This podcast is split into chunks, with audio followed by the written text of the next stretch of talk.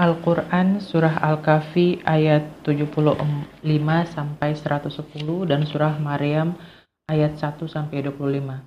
Dia berkata, Bukankah sudah kukatakan kepadamu bahwa engkau tidak akan mampu sabar bersamaku? Dia, Musa berkata, Jika aku bertanya kepadamu tentang sesuatu setelah ini, maka jangan lagi engkau memperbolehkan aku menyertaimu. Sesungguhnya engkau sudah cukup bersabar menerima alasan dariku. Maka keduanya berjalan hingga ketika keduanya sampai kepada penduduk suatu negeri. Mereka berdua meminta dijamu oleh penduduknya. Tetapi mereka, penduduk negeri itu, tidak mau menjamu mereka.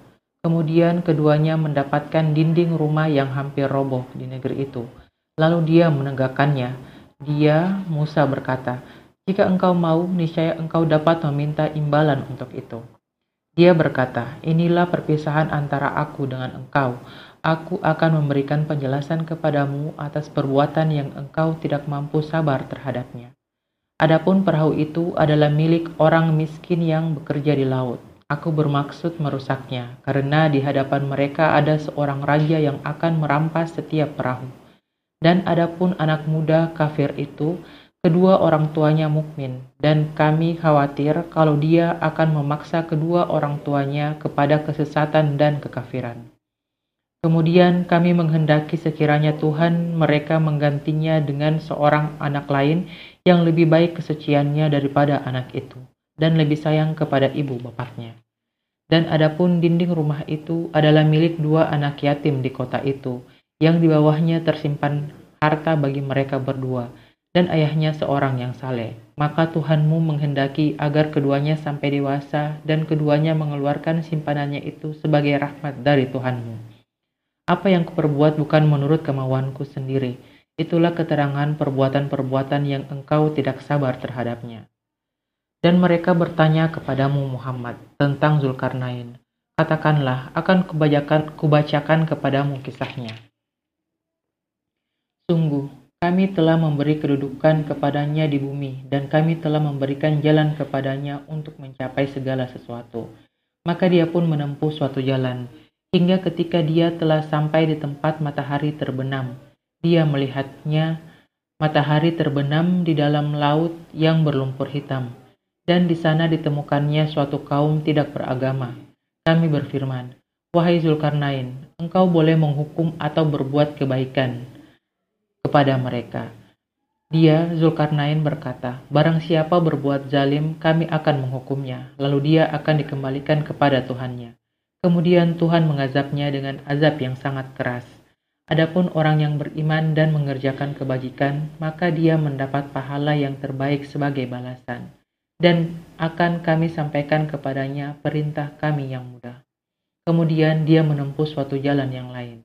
Hingga ketika dia sampai di tempat terbit matahari, didapatinya matahari bersinar di atas suatu kaum yang tidak kami buatkan suatu pelindung bagi mereka dari cahaya matahari itu.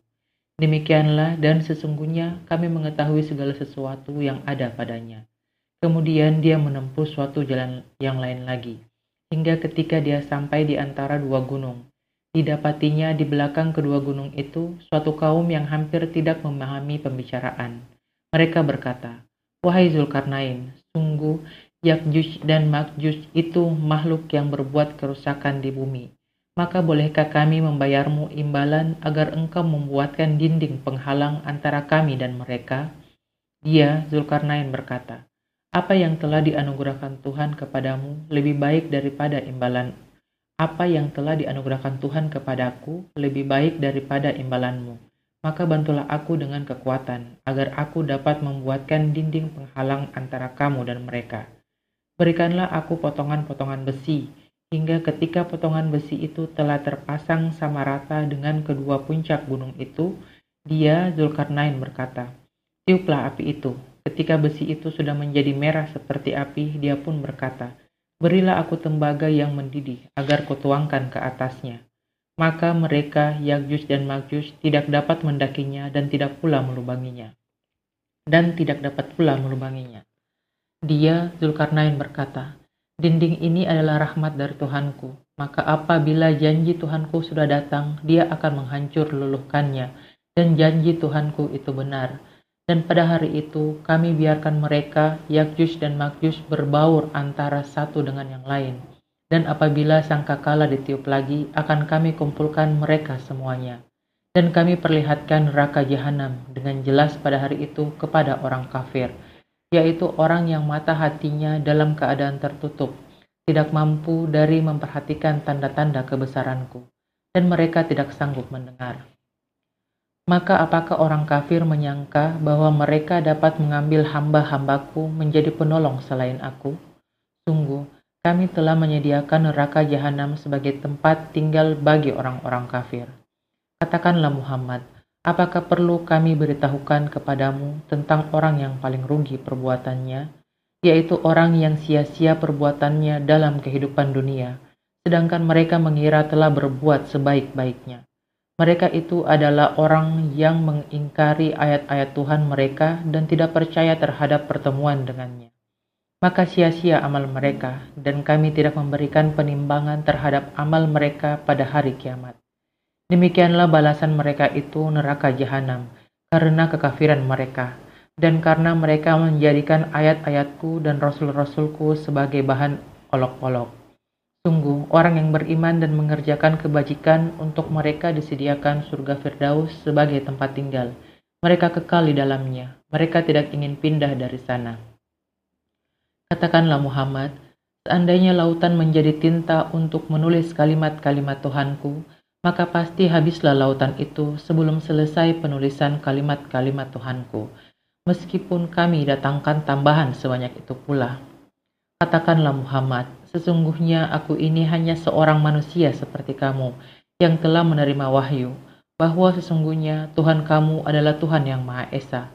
Maka barang siapa mengharap pertemuan dengan Tuhannya, maka hendaklah dia mengerjakan kebajikan dan janganlah dia mempersekutukan dengan sesuatu pun dalam beribadah kepada Tuhannya.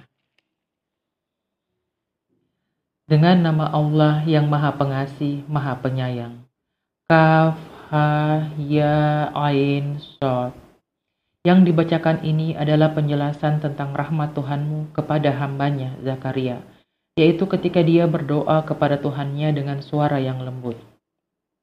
Dia, Zakaria berkata, Ya Tuhanku, sungguh tulangku telah lemah dan kepalaku telah dipenuhi uban, dan aku belum pernah kecewa dalam berdoa kepadamu, ya Tuhanku. Dan sungguh, aku khawatir terhadap kerabatku sepeninggalanku, padahal istriku seorang yang mandul. Maka anugerahilah aku seorang anak dari sisimu, yang akan mewarisi aku dan mewarisi dari keluarga Yakub. Dan jadikanlah dia, ya Tuhanku, seorang yang dirodoi. Allah berfirman, Wahai Zakaria, kami memberi kabar gembira kepadamu dengan seorang anak laki-laki namanya Yahya, yang kami belum pernah memberikan nama seperti itu sebelumnya.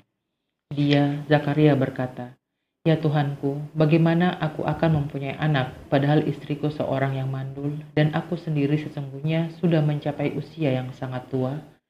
Allah berfirman, Demikianlah Tuhanmu berfirman, hal ini mudah bagiku.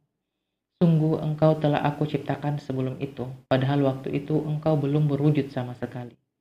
Dia, Zakaria berkata, Ya Tuhanku, berilah aku suatu tanda, Allah berfirman, Tandamu ialah engkau tidak dapat bercakap-cakap dengan manusia selama tiga malam, padahal engkau sehat. Maka dia keluar dari mihrab menuju kaumnya. Lalu dia memberikan isyarat kepada mereka.